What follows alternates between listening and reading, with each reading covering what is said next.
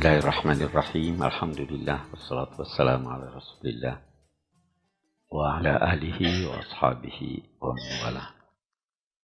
Uh, malam ini uh, ada beberapa pertanyaan yang menjadikan saya tergelitik untuk mengambil topik itu. Soal Rajab.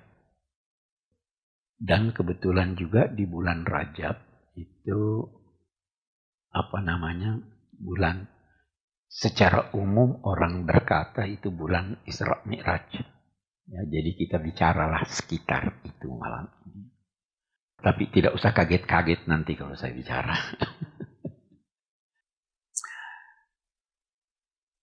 Populer sekali di kalangan masyarakat kita bahwa Isra Mi'raj itu terjadi pada tanggal 27 Rajab. Ya kan itu populer. Nah sekarang saya kembali lagi katakan. Ulama-ulama kalau sudah menyangkut sejarah itu longgar. Ada 15 pendapat kata ahli hadis lagi. Tentang kapan terjadinya Isra Mi'raj. Ada yang berkata bulan Rabiul Awal. Sewaktu Nabi dilantik sebagai Nabi tahun itu Isra Mi'raj. Ada yang berpendapat begitu. Ada yang berkata bulan Ramadan. Ada yang berkata tahun ke-10 Hijrah. Ada yang berkata setahun sebelum Nabi Hijrah. Macam-macam pendapat. Saya tidak tahu persis apa pertimbangannya sehingga diambil 27 Rajab. Hanya kita mau lihat yang pasti sudah pernah terjadi Isra dan Mi'raj. Itu yang pasti. Kapan itu? Itu sebabnya ada kelompok masyarakat yang berkata tidak perlu diperingati Isra Mi'raj. Apa dasarnya mau peringati? Sama dengan maulud tidak perlu diperingati. Oke. Okay kita memang bisa berbeda pendapat menyangkut kapan terjadinya Isra Mi'raj. Bahkan ada pendapat yang berkata, itu kan yang populer kita Isra Mi'raj. Iya. Itu itu memberi kesan bahwa itu sebenarnya satu peristiwa yang mempunyai dua sisi. Ada Isra dari Masjidil Haram ke Masjidil Aqsa, kemudian dari sana Mi'raj. Itu ulama beda pendapat juga. Isra itu sendiri. Mi'raj itu sendiri. Ada pendapat. Ada yang berkata Mi'raj tidak ada di Quran. Beda-beda. Tapi yang pasti bahwa Isra pernah terjadi. Tidak boleh diingkari adanya Isra. Karena jelas Subhanalladzi asra bi'abdihi laylan minal masjidil haram ilal masjidil aqsa alladzi barakna haulahu linuriyahu min ayatina innahu huwas samiul basir. Pasti yang mengingkarinya dinilai keluar dari Islam. Nah. Tapi kita lihat lagi subhanalladzi asra bi'abdihi lailan minal masjidil haram ilal masjidil aqsa. Ada hal kita kita lihat Isra dulu ini. Sebelum kita masuk dalam eh, sedikit masuk sedikit dalam rinciannya. Ada hal yang menarik menyangkut uraian Al-Quran tentang Isra. Menarik. Itu ada rumus dikemukakan oleh ulama-ulama bahwa biasanya uraian penting pada satu surah itu dibuatkan mukaddimahnya pada surah sebelumnya. Jadi ada kalau kita sekarang suratul Isra itu surat ke-17. Jadi berarti mukaddimah uraian Tuhan menyangkut Isra ini itu ada mukaddimahnya pada surah ke-16. Itu rumusnya begitu. Nanti dalam dalam uraian tentang Isra ada lagi penekanan-penekanannya menangkut hal itu. Saya ingin kita lihat beberapa beberapa hal di suratul Nahl. Kita baca suratul Nahl. Untuk ini ini bisa bisa mendekatkan kita menyangkut pemahaman bagaimana sih itu Isra. Karena kan itu itu oh, kita baca dulu. Maha suci Allah yang mengisrakan. Isra itu artinya perjalanan malam. Memperjalan malamkan hambanya. Lailan. Lailan itu artinya ah, supaya yang yang mau belajar tafsir. Tanwin kata an dalam Al-Quran bisa berarti banyak, bisa berarti sedikit,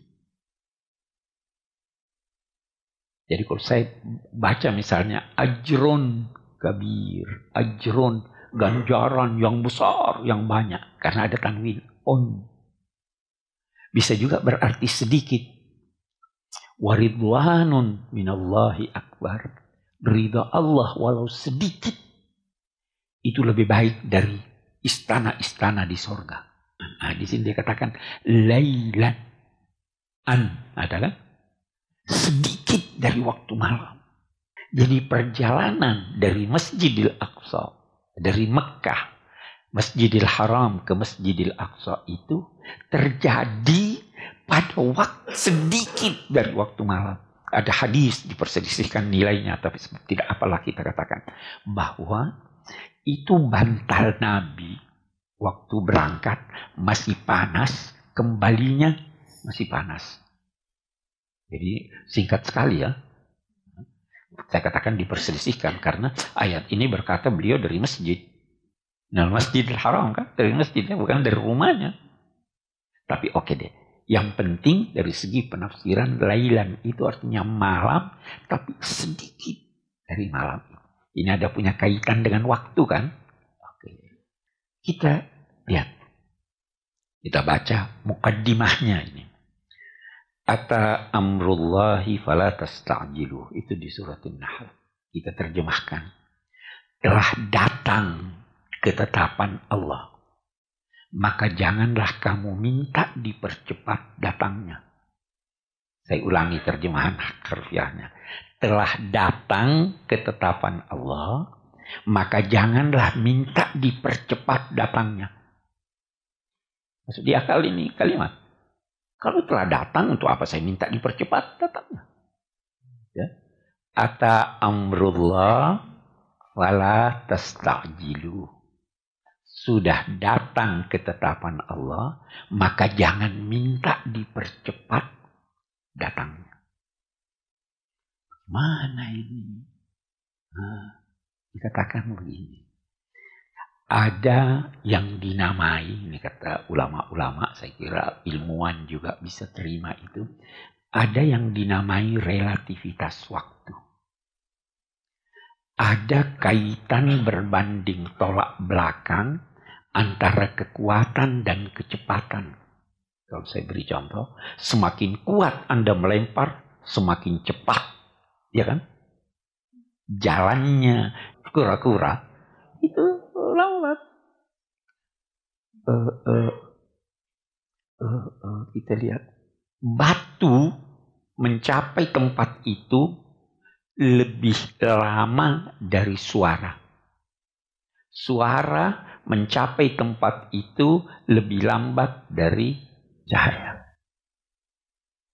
Dan ada sesuatu dalam hidup kita ini yang tidak memerlukan tempat atau waktu.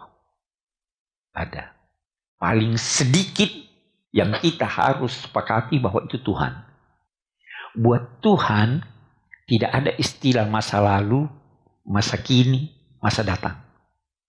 Buat manusia ada masa lalu, ada masa kini, ada masa datang. Dengan demikian, ata amrullah sudah datang walaupun buat kamu belum datang. Itu di di di eh, perselisihan lagi ulama menyangkut pemahamannya. Saya hanya beri contoh. Iqtarabatis sa'atu wan syaqqal qamar. Sudah dekat sekali datangnya kiamat dan telah terbelah bulan. Sudah terbelah atau belum bulan? Eh, belum. Tapi buat Tuhan karena tidak ada waktu lalu, waktu sekarang, waktu masa datang, Nah, di sini dia sudah beri isyarat, hei Tuhan itu tidak perlu waktu. Kita lihat lagi di sini. Saya ambil yang yang penting-penting. Coba kita lihat lagi ada. Dia sebut beberapa ciptaannya. Hamira litakkabuha wa zina wa yakhluqu ma la ta'lamun. Dan dia terus menerus, terus menerus senantiasa menciptakan makhluk-makhluk yang kamu tidak tahu. Sampai sekarang terus virus-virus itu bisa jadi ciptaan Tuhan yang baru. Ada makhluk-makhluknya yang kita tidak tahu. Kita lihat lagi. Di sini ada innama amruhu idza arada syai'an jadi jangan pernah mengukur kekuatan Tuhan dengan kekuatan Anda. Di sini kita salahnya biasa kalau bicara soal Isra Mi'raj kita ukur.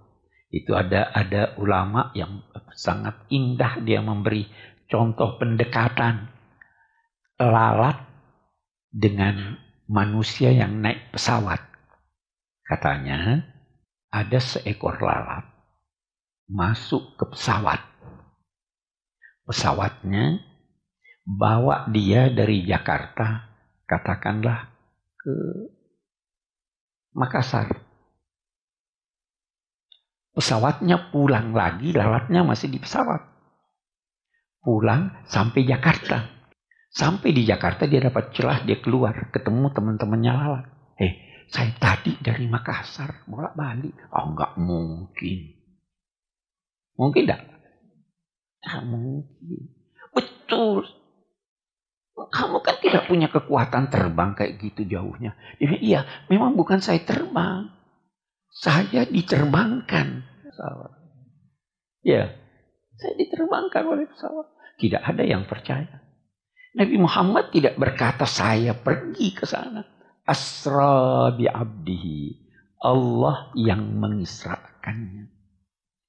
Eh, ada banyak ayat saya ingin kita eh, lihat di sini. Itu kesan-kesan yang diberikannya. Baru waktu di suratul Isra dia berkata, Subhanalladzi asra bi abdihi. Subhana. Kalau ada sesuatu yang aneh atau mengagumkan itu diajarkan untuk berkata subhana. Subhanallah indahnya. Subhanallah kok begitu. Anta qulta linnasi ittakhiduni wa ummi ilahaini min dunillah. Hai Isa, kamu yang berkata kepada umatmu. Jadikanlah aku dan ibuku Tuhan. Apa jawab Nabi Isa?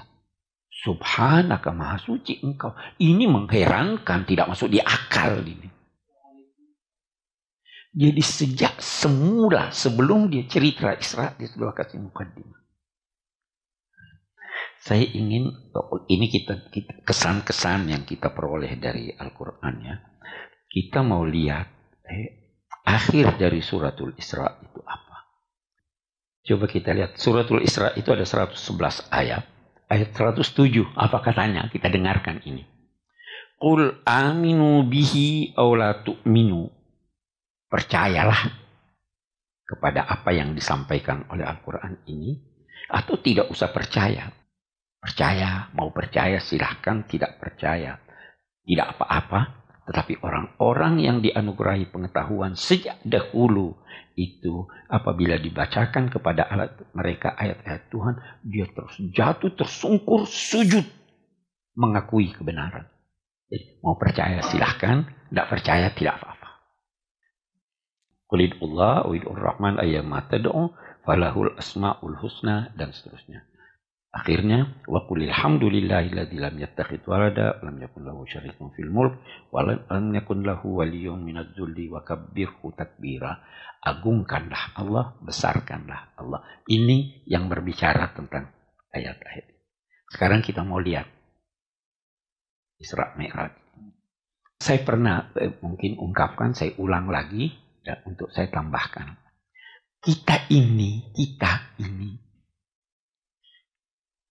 harus kita akui punya tiga alam sekarang. Ada tiga alam kita. Saya beri contoh. Saya bicara. Saya bicara. Anda dengar kan? Satu alam. Ada yang saya mau ucapkan. Saya pikirkan dulu. Oh ini tidak perlu saya ucapkan. Anda tahu itu atau tidak? Tidak tahu. Saya punya alam yang berbeda dengan alam Anda. Iya. Anda mendengar ucapan saya. Bisa ada tanggapan dari Anda. Oh iya, begitu toh. Ah ini nggak benar. Masa Pak Kures bilang nggak nggak ada puasa Rajab. Saya nggak tahu itu tanggapan Anda. Saya nggak tahu apa yang Anda rahasiakan. Tapi ada, Anda hidup di alam itu. Ya kan? Ketiga, mimpi. Ada tidak alam mimpi? Saya nggak tahu. Anda merasa bahwa itu benar-benar terjadi. Tetapi tidak terjadi. Ada hal-hal, kata ulama-ulama, dalam kehidupan kita ini yang sebenarnya apa yang kita lihat, apa yang kita dengar, itu punya substansi lain, walaupun di tempat yang sama. Contohnya ini menarik, ini contoh saya. Saya minta bantuan siapa nanti yang bisa jelaskan lebih jauh. Tapi ini contoh begini. Eh, kita punya parabola. Ya, saya di dalam, saya bisa lihat apa yang terjadi sekarang di Amerika. Bisa. Saya pencet satu detik, saya bisa lihat apa yang terjadi di Yaman. Bisa enggak? Apa itu? Apa itu? Kenapa bisa begitu? Kenapa bisa begitu? Sesuatu yang benar-benar terjadi bisa terlihat di dalam satu kota, dalam satu waktu yang berbeda-beda. Berapa channel kita bisa ini? Nah, itu katanya ada ether lah, ada gelombang suara lah, ada inilah. Jadi dalam kehidupan kita itu ada. Ada. Nah, Allah subhanahu wa ta'ala dalam konteks ini itu memberikan kita ini manusia terdiri dari jasad dan roh. Ya kan? Akui semuanya itu. Jasad itu ada organ-organnya yang berfungsi tertentu. Kita ada mata bisa melihat. Kita ada telinga itu organ jasad. Roh juga ada organ-organnya. Roh itu semakin jeli dia, semakin jelas dia, pada saat kekuasaan jasmani berkurang atau tiada. Ya kan? Itu sebabnya orang mimpi itu itu eh itu potensi ruh bukan potensi jasad itu mimpi. Potensi ruh itulah yang menjadikan orang semacam Sayyidina Umar bisa bisa terjadi pada dirinya apa yang orang namakan sekarang telepati. Yasari al-Jabal. Ya kan itu kisahnya itu Sayyidina Umar di Medina khutbah Jumat tiba-tiba berteriak Yasari al-Jabal, Yasari al-Jabal. Orang di bengong. Ngapain ini Sayyidina Umar memanggil-manggil panglimanya yang sedang eh, bertugas jauh di Syam sana. Waktu kembali ditanya, "Eh Umar, kenapa?" Dia bilang, "Saya lihat kita punya tentara terkepung." Satu-satunya jalan naik ke gunung. Saya lihat. Ini bukan potensi mata jasmani. Itu yang Allah katakan, fa innaha la ta'mal absar walakin ta'mal qulub Jadi hati itu punya organ. Bisa mata melihat sesuatu yang mampu dilihatnya karena semua ada wilayahnya. Kita kita ini ada wilayah dalam diri kita. Ada fungsinya. Keliru Anda kalau menggunakan mata untuk mendengar, ya kan? dan mata kita ini ada makhluk yang kita kenal di bumi ini yang lebih tajam matanya dari kita. Ya, ada burung kan? Anjing itu lebih tajam penciumannya dari manusia. Ruh ada ada kemampuannya ini yang biasa orang lupa. Ketika berbicara, orang berbicara tentang Isra Mi'raj, dia hanya lihat yang zahir. Ya'lamuna zahiran minal hayati dunya. Kata Allah. Mereka hanya mengetahui yang lahir ini. Padahal ada substansi dalam kehidupan.